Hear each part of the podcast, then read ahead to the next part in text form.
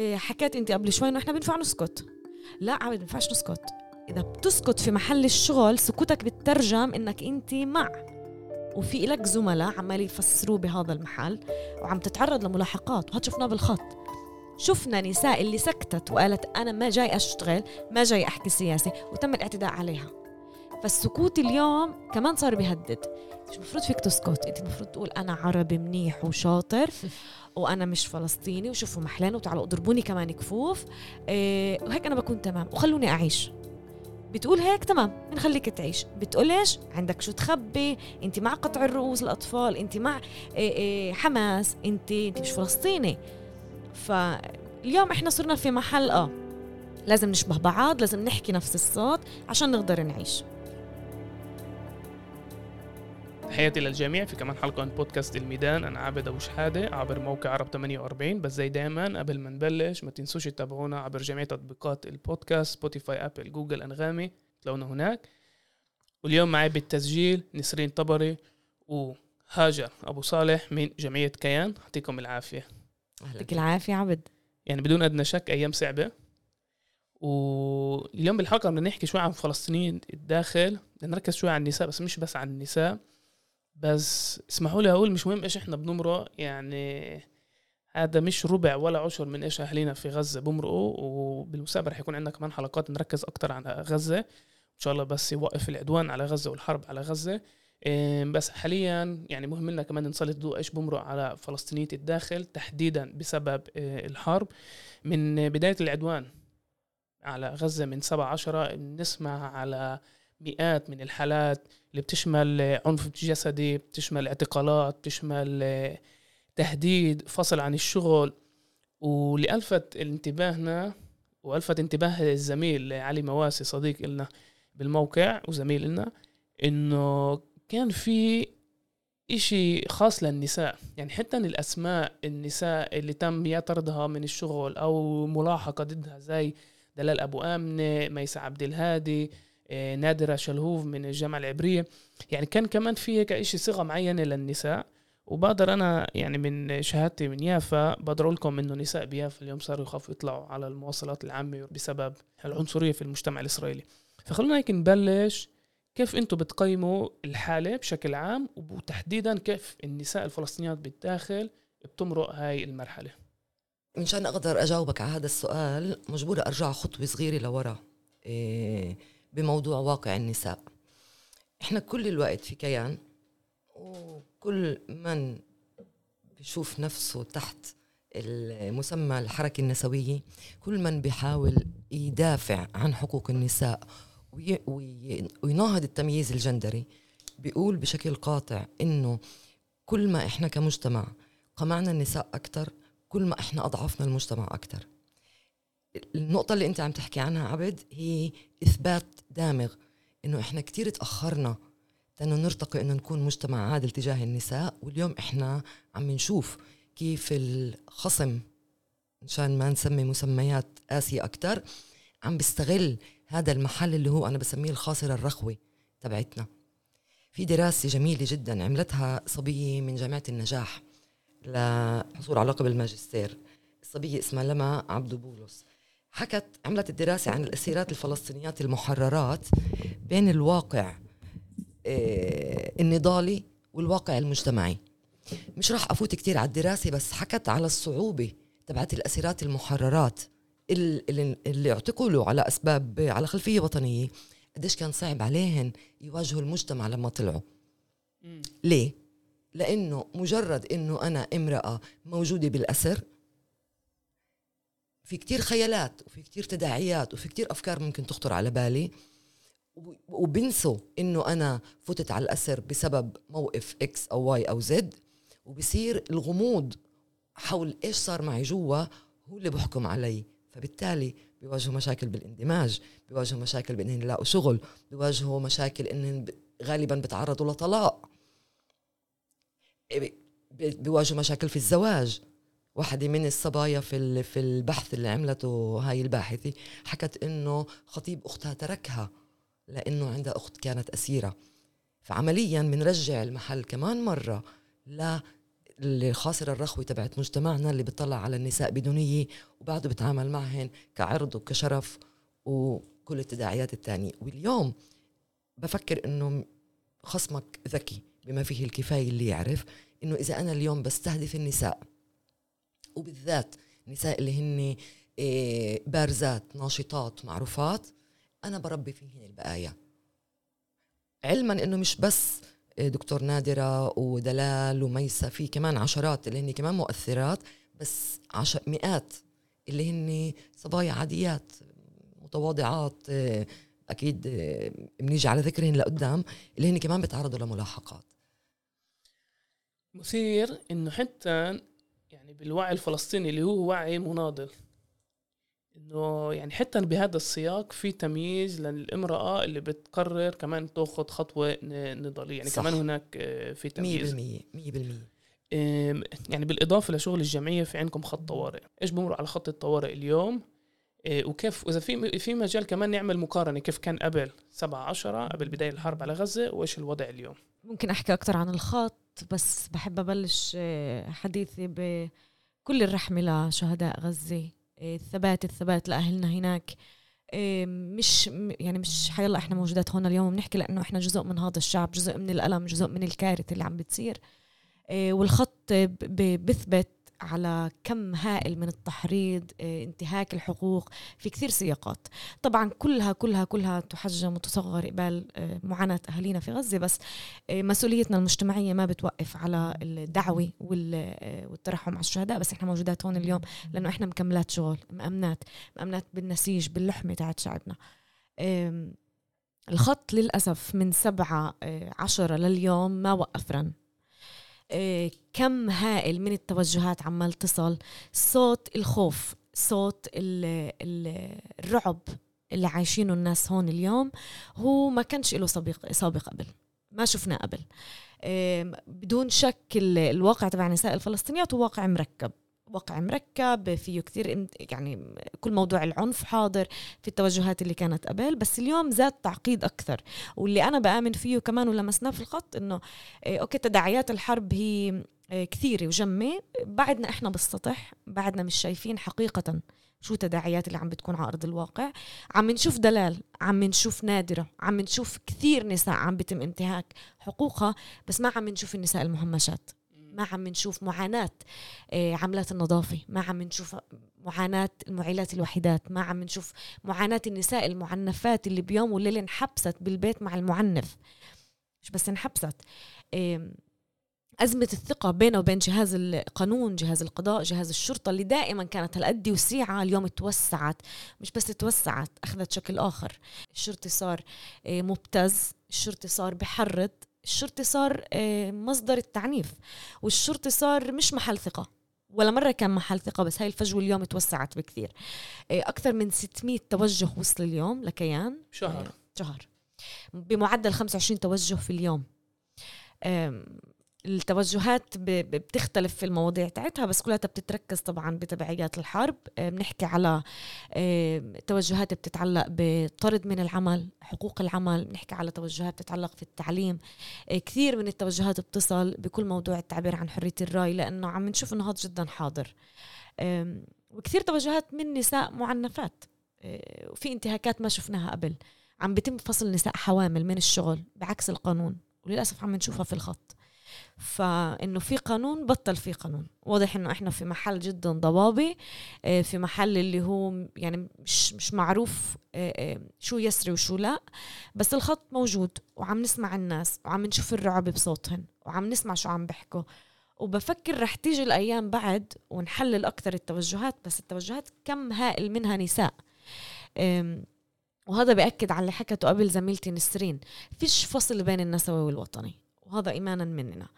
النساء اللي موجودات بالخطوط الأمامية بمواجهة العنف وذكورية المجتمع كمان هن اليوم موجودات بالخطوط الأمامية إيه، لمواجهة العدوان للتعبير عن الرأي لكل إشي بتعلق بسياق الحرب. بس هل بنشوف نساء في مواقع اتخاذ القرار؟ هل بنشوف نساء في اللجان الشعبية؟ هل بنشوف نساء بلجان بين قوسين المتابعة؟ لا. جوابه لا. النساء مش موجودة غاد. بس النساء تعتقل النساء آه، بيتم تمديد اعتقالها النساء بيتم التشهير فيها النساء بيتم فصلها بنسبة جدا كبيرة. هل هذا بترجم لأنها تأخذ دور قيادي لأنه صوتها آه، يكون حاضر في في مواقع اتخاذ القرار؟ لا. وهي هي الرخوة اللي خاصرة الرخوة اللي حكت عنها نسرين. بدي نحكي شوي عن المؤسسات ال ال الإسرائيلية بين إذا كانت الشرطة أو المحاكم.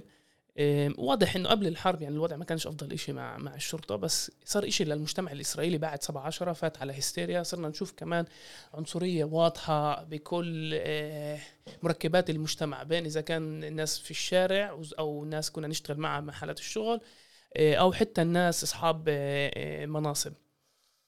كيف اليوم الشرطة بتتعامل مع المواطن الفلسطيني في الداخل لما بيجي بيقدم شكوى على أبسط الأمور تحديدا النساء اللي بتيجي بتقدم شكوى عشان خايفة من زوجها في البيت أو آه، عنف آه، بين إذا كان جسدي أو نفسي بمحلات الشغل. أغلب التوجهات اللي وصلت للخط اللي هي إلها علاقة بنساء اللي بيتعرضوا سواء لعنف منزلي لعنف أسري أو لعنف من الشارع بسبب الحرب أول رد فعل كان إنه بس تقولوا لنا الشرطة لأنه إحنا قبل الحرب ما كانش عندنا ثقة اليوم إحنا مش ما عندناش ثقة اليوم إحنا عندنا ذعر اليوم إحنا عندنا خوف اليوم إحنا عندنا رعب.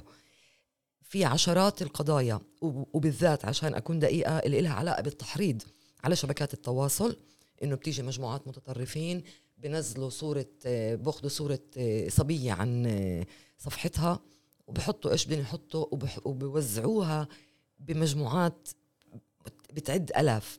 فبتروح بتقدم شكوى. طيب أوكي قدمت شكوى بنفحص الطلب بعدين. غير الاستهزاء اللي بتتعرض له لما هي بتروح تقدم الشكوى. فاليوم وهذا بأكد هذا يعني برتبط باللي بتقوله هاجر إنه بالآخر يعني الشرطة مش فاضيت لك اليوم.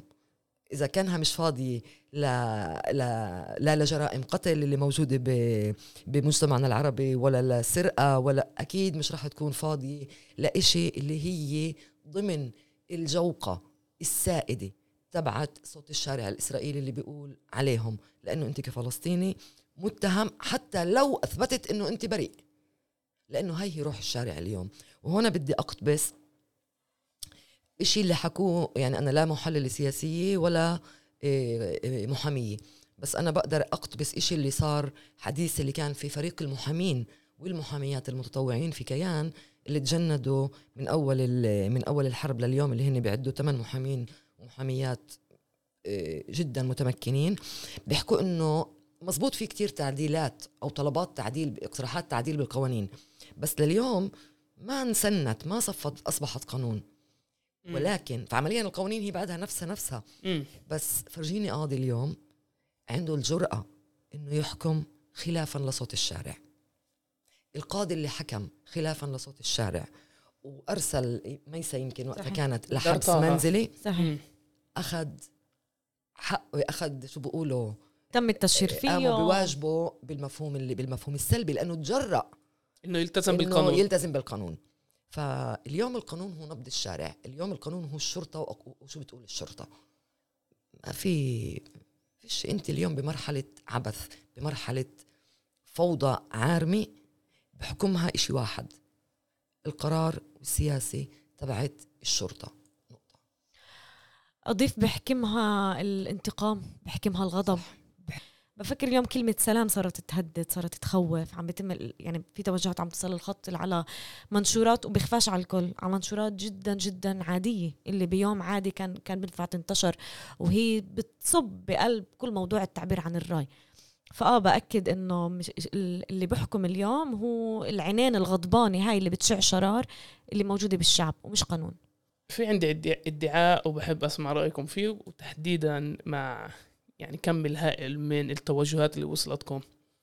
في إحساس إنه الناس اللي بتقدم الشكاوى ضد ضدنا ضد إيش بنكتب على المواقع التواصل الاجتماعي أو إيش بننشر على الإنستغرام أو الستوريهات بالإنستغرام هدول الناس اللي كنا نعرفها يعني من المجتمع الإسرائيلي. كيف أنتم بتشوفوا هذا الإشي بترجم آه، على الصعيد الاجتماعي؟ من التوجهات اللي بتوصلكم؟ أنا بدي أسمح لحالي أشارك في تجربة اللي هي أسقطت القناع عن أكثر المؤسسات. وبحكي المؤسسات والجمعيات اللي بتعتبر حالها نسوية وبين هلالين على الآخر كبار يسارية كان في أول ما بلشت الحرب إيه، بدون ما أذكر كتير أسماء لأنه الموضوع قيد قيد المعالجة القانونية أو على وشك أنه يفوت لمعالجة قانونية. مجموعة اللي بتجمع ما لا يقل عن 25 مؤسسة نسوية اللي من ضمنها كمان في ثلاث أربع مؤسسة جمعيات نسوية عربية. وإحدى زميلاتنا كمان موجودة بهاي بهذا بهاي المجموعة على الواتساب.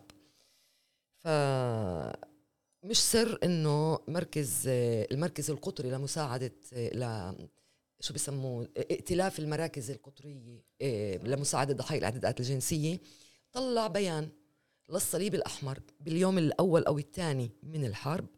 طلع بيان للصليب الأحمر اللي فيه إيه، بيحكي على إيه، سلوك حماس. فزميلتنا بشكل كتير واضح حكت والإشي مكتوب وموثق عنا. حكت إنه إحنا من دين قتل الأطفال إحنا من دين اعتداء الاعتداء على النساء ايا كانوا على الإطلاق بدون علاء لا للون ولا لهوية ولا لدين ولا لجنس. ولكن الهجمة اللي كانت عليها كانت مش من هذا العالم ظلت أكثر من أسبوع ملاحقة برسائل على المجموعة نفسها على الشخصي على المنابر الأخرى لأنها تجرأت إنها تحكي.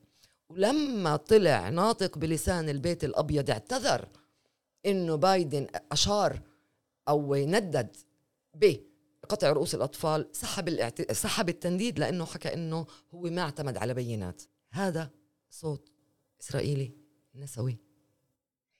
يدعو للتعايش. يعني الصوت اللي لازم يشكك بكل شيء لازم يتحدى المؤسسة. صوت العقل لازم, لازم يسأل أسئلة يعني مهنية صوت عقل ما فيش صوت عقل اليوم. اليوم في صوت الشارع العام الجرف تبع الكراهية الجرف تبع التشكيك. وهذا اللي أنا بقوله إنه أقنعة إلها سنين هرت كلياتها دفعة واحدة في استعلاء الرجل الأبيض على النسوية السمراء والصفراء والقمحية وال... وإحنا جزء كحركة نسوية فلسطينية إحنا جزء. صح. إحنا تمام مع الموضوع. صح. أنا عشان أنا أكون آه، نسوية وإنسانية أنا ضروري أدين 7 أكتوبر. وأنا بدين 7 أكتوبر. طب بس شو مع قبل طب شو مع انتهاكات قبل طب شو مع ال ال ال ال شو ما عم بيصير؟ شو عم بيصير اليوم؟ فعشان تاخذ الختمة إنك أنت آه، نسوي فلسطيني أنت المفروض فيك الدين وتكون ماشي حسب الخط وهذا الصوت اليساري الإسرائيلي اللي عمال بالفرض اليوم على المؤسسات. أضيف على هيك إنه ما بحكي إسا بشعارات إحنا لمسنا بالخط. توجهات هائلة لناس اللي آه، حكيت أنت قبل شوي إنه إحنا بينفع نسكت. لا عبد ما بينفعش نسكت. إذا بتسكت في محل الشغل سكوتك بترجم إنك أنت مع. وفي لك زملاء عمال يفسروه بهذا المحل وعم تتعرض لملاحقات وهذا شفناه بالخط. شفنا نساء اللي سكتت وقالت أنا ما جاي أشتغل ما جاي أحكي سياسي وتم الاعتداء عليها. فالسكوت اليوم كمان صار بيهدد. مش المفروض فيك تسكت أنت المفروض تقول أنا عربي منيح وشاطر وأنا مش فلسطيني وشوفوا محلين وتعالوا اضربوني كمان كفوف. إيه وهيك أنا بكون تمام. وخلوني أعيش. بتقول هيك تمام بنخليك تعيش. بتقولش عندك شو تخبي؟ أنت مع قطع الرؤوس الأطفال أنت مع إيه، إيه، حماس أنت أنت مش فلسطيني. فاليوم إحنا صرنا في محل آه لازم نشبه بعض لازم نحكي نفس الصوت عشان نقدر نعيش. هاجر هون بدي أزيد شغلة. هاجر وعبد. يا ريت يسمعوها 2 مليون فلسطيني اللي موجودين بال 48 واحدة مش واحدة كذا توجه كان. بالإضافة إنه إنه مش لازم أسكت لازم أحكي ال ال يعني أدعم الرواية الإسرائيلية وآخذ جنبها. كان في قضايا وهذا بيرجعنا لأول الحديث على موضوع الخاصر الرخوي. كان في قضايا على الأقل أربع صبايا اللي حكوا بشكل إحنا مش لأنه إحنا بنخاف لأنه إحنا بعنيناش موضوع السياسي بنحكيش فيها. فانطلب منا إنه على مجموعة الشغل الداخلية واحدة منهم ما عندهاش صفحات على شبكات التواصل على الإطلاق ولا من أي نوع. طلب من انطلق انسألت ليش أنت على مجموعة الشغل مش عم بتعبري عن موقفك؟ فقالت لأنه أنا ما بتدخلش بالسياسي إيش الرد كان؟ والرد كان متشابه بأربع قضايا. إنه okay بدكيش تحكي أنت حرة بس أنا لما أنت بتقوليش أنا بقدر أخمن شو في براسك. بس على فكرة أنا بعرف إنه أبوكي بيعرفش إنه أنت بتدخني أو بتشربي كحول. أنا بعرف إنه أبوكي بيعرفش إنه أنت على علاقة مع شاب. أنا بعرف إنه أبوكي بيعرفش إنه أنت مثلية. بكلمات تانية شو عم بيقولها؟ عم بيقولها أنا بعرف إنه أهلك متعصبين. إذا بيعرفوا إنك مثلية أو بيعرفوا إنك بتشربي كحول أو بيعرفوا إنك مصاحبة بخففوا عني الشغل. هن بيقتصوا منك. لهون وصل الحقد.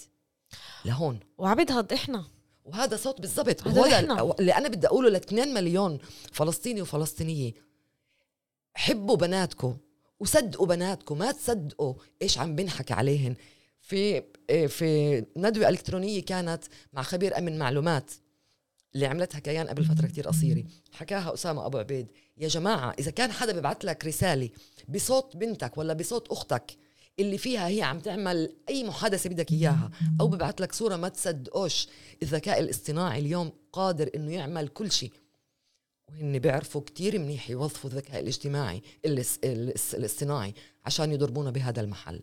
فرجاء ما حدا يصدق عن أعزائه إيش بيجي خصمه بيحكي عشان يطعجوا من هاي الإيد.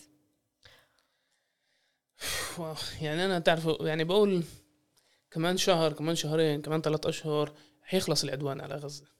رح نرجع رح نرجع نقتل النساء رح نرجع نعنفها رح نشوف نساء مطخوخة على على باب بيتها.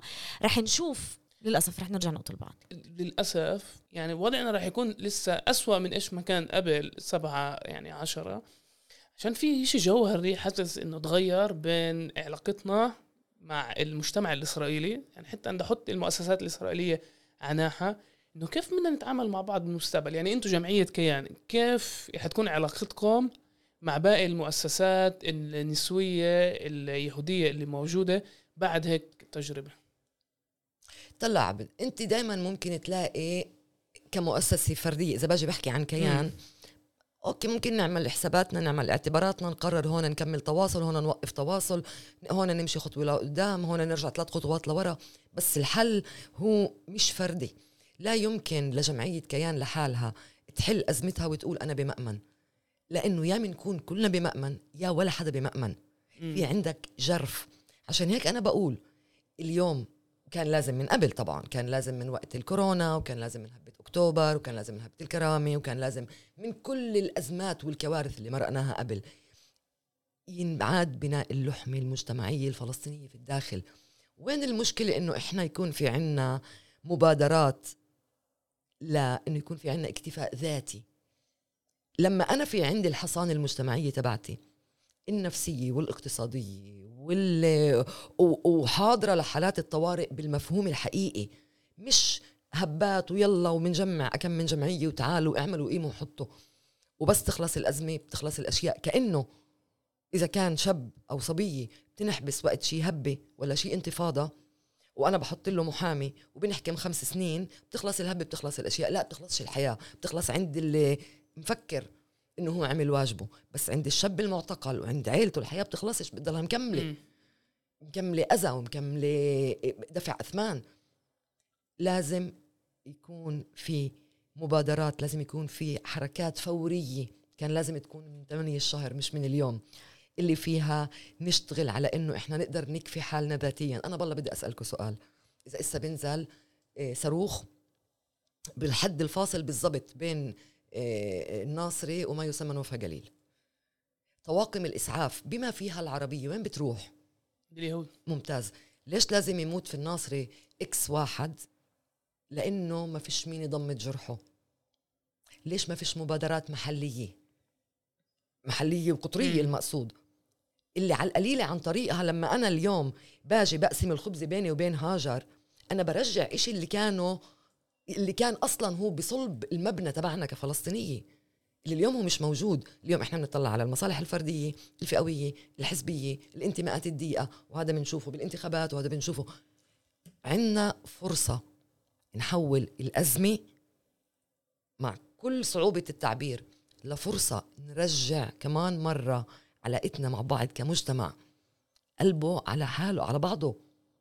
لأنه غير هيك حلول فرديه كيان تحل أزمتها. أوكي حلت كيان أزمتها. طيب ما هي إسا سويسرا حجبت الدعم عن 11 آه، جمعية بال- من جمعيات المجتمع المدني. في الداخل. منها ستة خمسة بالداخل والباقي في الضفة. طيب ما حجبتش عن كيان معناته الوضع تمام. ما هو إذا بسكت اليوم بكرة بده يجيني الدور. نسرين إيه، سياسة المؤسسات وكل شيء عم بنشغل على المؤسسات هو هو واحد من المستويات. بس تعال نحكي على مستوى اللي هو محلي وهون بحب أشارك باقتباس من زميل حكى في زميل محامي اللي تابع جزء من قضايا الانتهاكات والاعتداءات على على الشباب. حكى لي إحنا مش شعب جبان. إحنا مش مش حيلا ما نزلناش على الشوارع. إحنا مش شعب جبان إحنا شعب شجاع إحنا بنعرف نناضل بنعرف نطالب بحقوقنا. هبة أيار أثبتت هيك. ليش اليوم مش عم ننزل على الشوارع؟ لأنه اللي نزلوا بهبة أيار لليوم بسجونهم وما قادرين نحصل حقوقهم فالشباب شو فهمت شو فهمت لما أنا بنزل على الشارع وبطالب بحقي وبيتم اعتقالي وبيتم إيه إيه إيه حكمي ب 15 سنة وشبابنا لليوم عم بتصارع بالمحاكم بتعرف هدول الشباب إنه ما في ظهر ما في مؤسسة ما في قيادة ما في جسم واحد يدعم. فالشباب شو عملت؟ قعدت في البيت. مش لأنها خايفة مش لأنها جبانة. لأنه اللي لازم يطلع على الشارع مش عم بيطلع مش عم مش عم بيثبت إنه إحنا مجتمع في نسيج شغلنا عليه وأخذنا بلاوي زرقاء من المصاري عشان. نعمل هاي هاي هذا النسيج. إيه بس بس يعني النسيج هذا مش موجود وهذا اللي سكت الناس وهذا اللي خوفها يعني يعني رد لسؤالي إنه إحنا لازم نعيد بناء المجتمع يعني تماما. بين إذا كان على مستوى المؤسسات وعلى مستوى الأحزاب وعلى مستوى لجنة المتابعة عقد جديد في داخل المجتمع الفلسطيني في الداخل اللي ما يعتمد زيادة عن اللزوم على المؤسسات الإسرائيلية إنه يعتمد أكثر على على حاله. وعلاقتنا بالمجتمع الإسرائيلي صراحة من من التداعيات اللي عم بيصير مش هي اللي اسا المفروض تشغلنا. إيه تداعيات الحرب على المجتمع ال- المدني على المجتمع المحلي وعلى المؤسسات وعلى شو عم بيصير الفلسطينيين الداخل مقلق. جدا مم. جدا جدا ال ال كل التوجهات اللي وصلت على الخط أكثر من 600 توجه كل حالة منها بقدر أشير على ضعف في حماية من قبل المجتمع إن كان المجتمع مم. الذكوري ان كان الاستعمار إن كان الاحتلال اللي شرش فينا هالقد. وزرع فكرة إنه آه، آه،. الشاب اللي بنسجن وبيطلع وبهلله وبحمله على الكتاف وهذا أسير محرر بطل. والبنت اللي بتنسجن وبتموت خوف أهلها يعرفوا انها انسجنت على دواعي أمنية هذا اللي بزرع عنا الخوف لقدام. لما بنسال يعني أبناء مجتمعنا إيش مخوفهم بالفترة القريبة؟ فواضح إنه الحرب والواقع السياسي اللي فايتين عليه بس الجانب الثاني الجانب الاقتصادي. عشر شهر مقرب علينا جزء كبير من مجتمعنا تحديدا في الساحل. يعني وين ما يعني كان في أكتر إطلاق آه، صواريخ آه، قعدوا بالدار ما اشتغلوش شهر. كيف أنتم بتقروا الوضع الاقتصادي اللي جاي علينا؟ وكيف راح يأثر كمان على النساء في مجتمعنا لما جزء على قد كبير ما اشتغلوش أو ما راحوش على الشغل خوف من من المجتمع الإسرائيلي؟ طلع أنا بتخيل هذا الواقع موجود من من من زمان. ال- الواقع الصعب والمشحف والتمييز بحق النساء الفلسطينيات بالداخل وبكل العالم حتى نقول هو واقع يعني مش غريب مش جديد علينا. اليوم 31% تقريبا من النساء الفلسطينيات هن في سوق العمل. بس 31% من النساء بديش أجمل بس جزء كبير مننا بيشتغلوا في بيئة عمل جدا جدا سيئة. أنا بس مجبور أضيف معلومة. 31% في سوق العمل بس 67% من النساء في المجتمع الفلسطيني في الداخل عندها على الأقل بي اي يعني لقب أول في يعني صحيح صحيح. في تقدم كبير بالنسبة للنساء المتعلمات. إيه لأنه إحنا نساء مثقفات نساء الفلسطينيات. نساء مثقفات. ولكن إيه أغلب النساء الفلسطينيات اليوم اللي بيشتغلوا جزء كبير منهن بيشتغل بشكل غير قانوني. إحنا. بنعرف شو يعني ال- الشغل شحور بين قوسين إيه هذا شو ترجمته اليوم في الحرب؟ هذا ترجمته إنه إذا أنت اليوم بتقدر تقدم إيه إجازة غير مدفوعة أو إجازة مدفوعة أو أنت ضامن إنه عندك أيام مرضية أو أنت ضامن إنه عندك أيام عطلة كثير نساء ما عندها هاي الإمكانية. هاي النساء سنين سنين صرنا بنحكي على الموضوع بتشتغل بشكل غير قانوني المشغل العربي باكل حقها. فهاي المرة اليوم قاعدة بالبيت وميتي خوف فيش عندها مصدر رزق. وجزء كبير منهن هن معيلات وحيدات فالأزمة الاقتصادية بتخيل عبد أبعادها هالقد مخيفة رح تكون. اللي فيش أمان اقتصادي للنساء مم. فيش أمان اقتصادي. ال- الفرع البناء شبابنا ورجالنا اللي بيبنوا كل يوم برصف الشوارع وبيبنوا هاي ال- العمارات اللي اللي طالعة نازلة في تل أبيب هدول وين وين في في مؤسسة سألت عنن في حدا سأل اليوم فرع البناء عمال البناء اللي قاعدين بالبيوت حدا سأل عنن. مش زمان شفت مبادرة تحديدا بأم الفحم لمساعدات أولية مساعدات إنسانية لعمال البناء. نوال هالقد فكرة بسيطة ليه ما حد تبناها قبل؟ ليش فيش مؤسسة اليوم أو جسم تبناه قبل؟ إذا أنا اليوم بعد حالي جزء من هذا المجتمع طب ما المجتمع لازم يرجع لي كمان. إذا أنا عامل بناء اليوم أو عاملة نظافة اللي بشتغل وأوكي أكل حق سنين. طب اليوم في ظل الأزمة فيش مين يسأل عني؟ وهاي دور مؤسساتنا للأسف ونقول قياداتنا بين قوسين للأسف. ممثلي الجمهور غير المنتخبين. فالنساء العاملات وحتى نحكي المجتمع الفلسطيني ككل هو مجتمع منتج. إحنا بنشتغل. عندنا نسبة يعني تقريبا 73% من من الرجال بيشتغلوا. بس كمان معلومة هيك على الهامش معدل أجر النساء الفلسطينيات هو تقريبا 5200 شيكل. معدل أجر الرجال آه، الفلسطينيين هو 7100 شيكل. قد إيه حضرك معدل أجر الإمرأة اليهودية؟ 12000 لا أقل شوي. 7600 شيكل. هلا أنا قرأتهم عشان من يافا النساء من دائما النساء بكل محل في فجوة كبيرة بما يتعلق بالأجور ولكن الامرأة اليهودية اليوم بتأخذ أكثر من رب الأسرة العربي. بتأخذ أكثر بكثير من الامرأة العربية الفلسطينية هون في الداخل. وهاي ال ال الامرأة اليهودية مش خايفة على إيه، لأنه عندها مخصصات تأمين وعندها وعندها وعندها. بس نسائنا بيشتغلوا بشكل غير قانوني. رجالنا بيشتغلوا في عدة قطاعات اللي جزء منها غير آه، آه، ما في عليه رقابة. هدول اسألهن عن عن القلق الاقتصادي اسألهن عن كيف عم بيكملوا شهر اسألهن عن عشر الشهر. واسأليهن كمان عن الاستدعاءات لجلسات استماع غير قانونية لإقالات قصرية اللي عم بتتم اليوم. يعني 61% من الحالات اللي وصلت لكيان هي بمجال العمل اللي هي كمان نساء وكمان رجال. اللي قسم كبير منها إنه انفصل فصلوهن عن العمل أو استدعوهن لجلسة استماع بظروف غير بطريقة غير قانونية اللي ما قدروا يروحوا على الجلسة. عمليا بنفصلوا مجبرين يستنوا لأنه إذا فيش مين يسمع. استنوا ترجع المحاكم تشتغل وفق المنظومه القانونية لعل وعسى يقدروا يسترجعوا شيء من حقوقهم بتحس إنه بيستقوا على النساء أكثر من من الإسلام؟ يعني المجتمع اليهودي في هاي الحالات في محلات الشغل إنه أسهل لهم من مع النساء من مع الشباب؟ بفكرش بفكرش بس يعني الطريقة هي ممكن تكون تختلف. يعني اليوم إحنا بنشوف إذا بنيجي بناخذ فرضا موضوع إيه، موضوع التشهير أو موضوع الابتزاز أسهل هو أكثر أسهل على النساء لأنه كيف حكينا مم. المجتمع دغري بنصير نلطم وإنه يا ويلي وحكوا عليها وسمعتنا وسمعت العيلة وشرف العيلة. فهذا المحل بيكون أقل من ما هو عند عند النساء أكثر ما هو عند عند الرجال. بس أنا ب يعني يعني يمكن مش متأكدة من اللي بدي أقوله بالتفسير هذا اللي حكيت لك إياته إنه هذا نموذج اللي أنا متأكدة منه بس الباقي بعرفش. بس الأكيد الأكيد إنه سواء كنا رجال أو كنا نساء ناطقين بالضاد إحنا متهمين. إحنا عرضة للملاحقات. يعني تعال تطلع اليوم محامين أطباء محاضرين في الجامعات فنانين فنانات. كل القطاعات على الإطلاق قديش نسبة الفلسطينية بالسلك الصحي بالمؤسسات الإسرائيلية؟ نسبة عالية جدا. م. مش خايفة إسرائيل إنه يعني ممكن يجوا يقولوا بتعرفوا شو بدناش نشتغل ما دامكم مش مش شايلين مش شايليننا من أرضنا. بيروحوا بيشتغلوا بيسمعوا مسبتهن ببدانهن. وبنهانوا بيعملوا عليهن وبيروحوا بتعرفي ليش نسرين؟ لأنه هذا الدكتور أو هاي الممرضة بتعرف إنه إذا بتم اعتقالها أو بتم وقفها عن العمل حدا سأل عنها. هذا هو الاستفراد.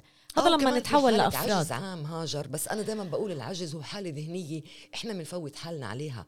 يعني يعني هذا كمان محل اللي هو تراكم تكون فوقه سنين على سنين على سنين. بالضبط اللي بحكي عنه التراكم. التراكم تبع خيبات الأمل اللي عشناها كمجتمع من قياداتنا هي اللي بتحطنا بهذا المحل. اعطيكي مثال. أحمد خليفي. أوه. أحمد خليفي أوه. محامي. أحمد خليفي ناشط اجتماعي. أحمد خليفي وطني. اللي كان بالصفوف الأولى وقت المحاكم لشباب أحداث أيار هو اللي حرك الحراك الفحماوي على دعم ومساندة كل الأسرة. أحمد خليفي موجود في السجن وتم تمديد اعتقاله من 9 عشرة لليوم لليوم. أحمد خليفي كان حاضر وقت ما تم اعتقال كثير ناس. أحمد خليفي لليوم معتقل بدون أي تهمة موجهة إله. هاي خيبات الأمل نسرين اللي بحكي عنها. طلع مزبوط بس بس هون كمان في عندك السياسة تبعت الدولة كيف هي بدها تربي الناس بناشط زي أحمد. يعني إنه بالضبط إنه إذا كان أحمد المحامي المتمكن ال ال ال يعني حاطينه كأنه اعتقال إداري ما حدا مقرب عليه. تنشوفكم أنتم شو بدكم تساووا. فهذا بس له شقين له الشق تبع سياسة الدولة وهذا اللي عم بينعمل بأحمد. بس لو إنه اللي محل أحمد هي امرأة وهذا بيرجعنا لقضية التفاوت الفرق كيف وقع الأشياء. بيكونوا أهلها يندبهم لأنه في فضيحة رح تكون. للأسف. ما بحكي على آه، مؤثرات بحكي إنه بالعموم الناس اللي هن تعال نقول بالمعدل المتوسط.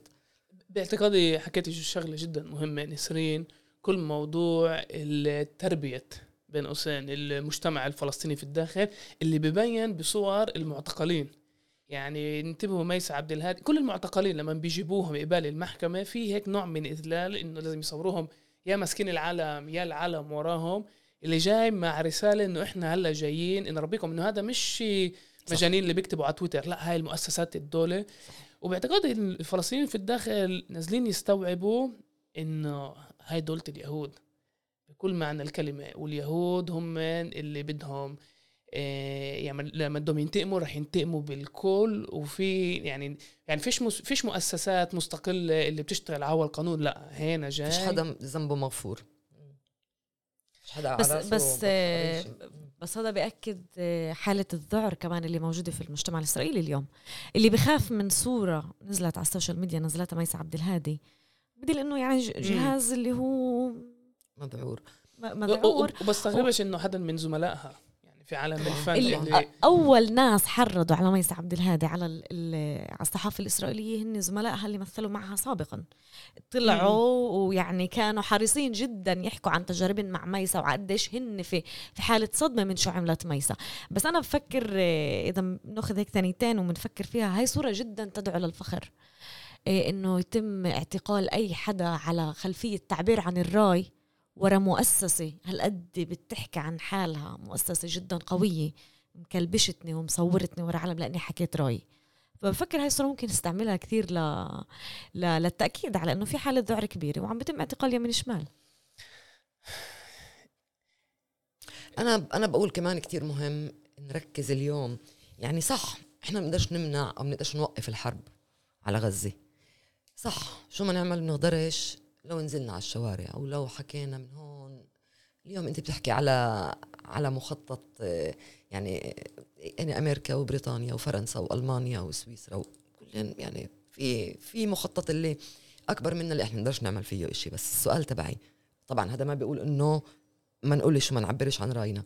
بس السؤال تبعي الجدوى وين اليوم إحنا بلا بنقدر نأثر يعني وكأنه إحنا نقول بقدرش أأثر على انه اوقف الحرب على غزة معناته خلص بحط بحط الحزن بالجره وبقعد. الجواب هو لا. في محلات اللي إحنا بنقدر نأثر عليها وأنا بفكر إنه هون المفروض إنه يكون التركيز تعالوا نفكر باليوم بقصة.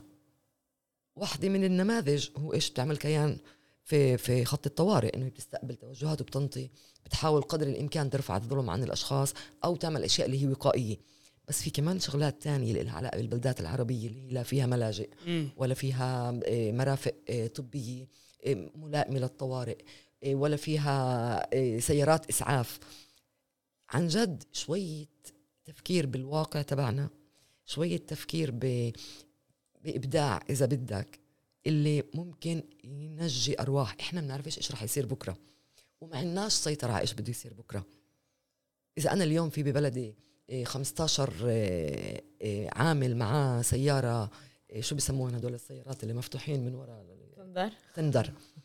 ليش أنا هدول 12 سيارة ما يكونش عندي أرقام تليفونات أصحابهن؟ ويكونوا مغسولات ومحطوط فيهن كل وحدة فرشة. وتكون جاهزة انها تنقل مرضى تنقل مصابين للمستشفيات. بحكي على أشياء عبد بحكي على أشياء صغيرة عن جد أشياء صغيرة اللي هي ممكن تنقذ أرواح. بما إن مش قادرين ننقذ أرواح بأي مكان آخر تعالوا فكروا بشكل عملي بسيط. اللي فيه فايدة لداخل بلداتنا. يعني عن جد بعرفش إيش بنستنى بعد. لا لا بدون ان نشك بفكر إنه في عندنا كثير أسئلة نسأل حالنا نسأل مؤسساتنا وأحزابنا ما بعد أو خلال تعال ما نسأل هنش تعال نفكر شو إحنا ممكن نعمل.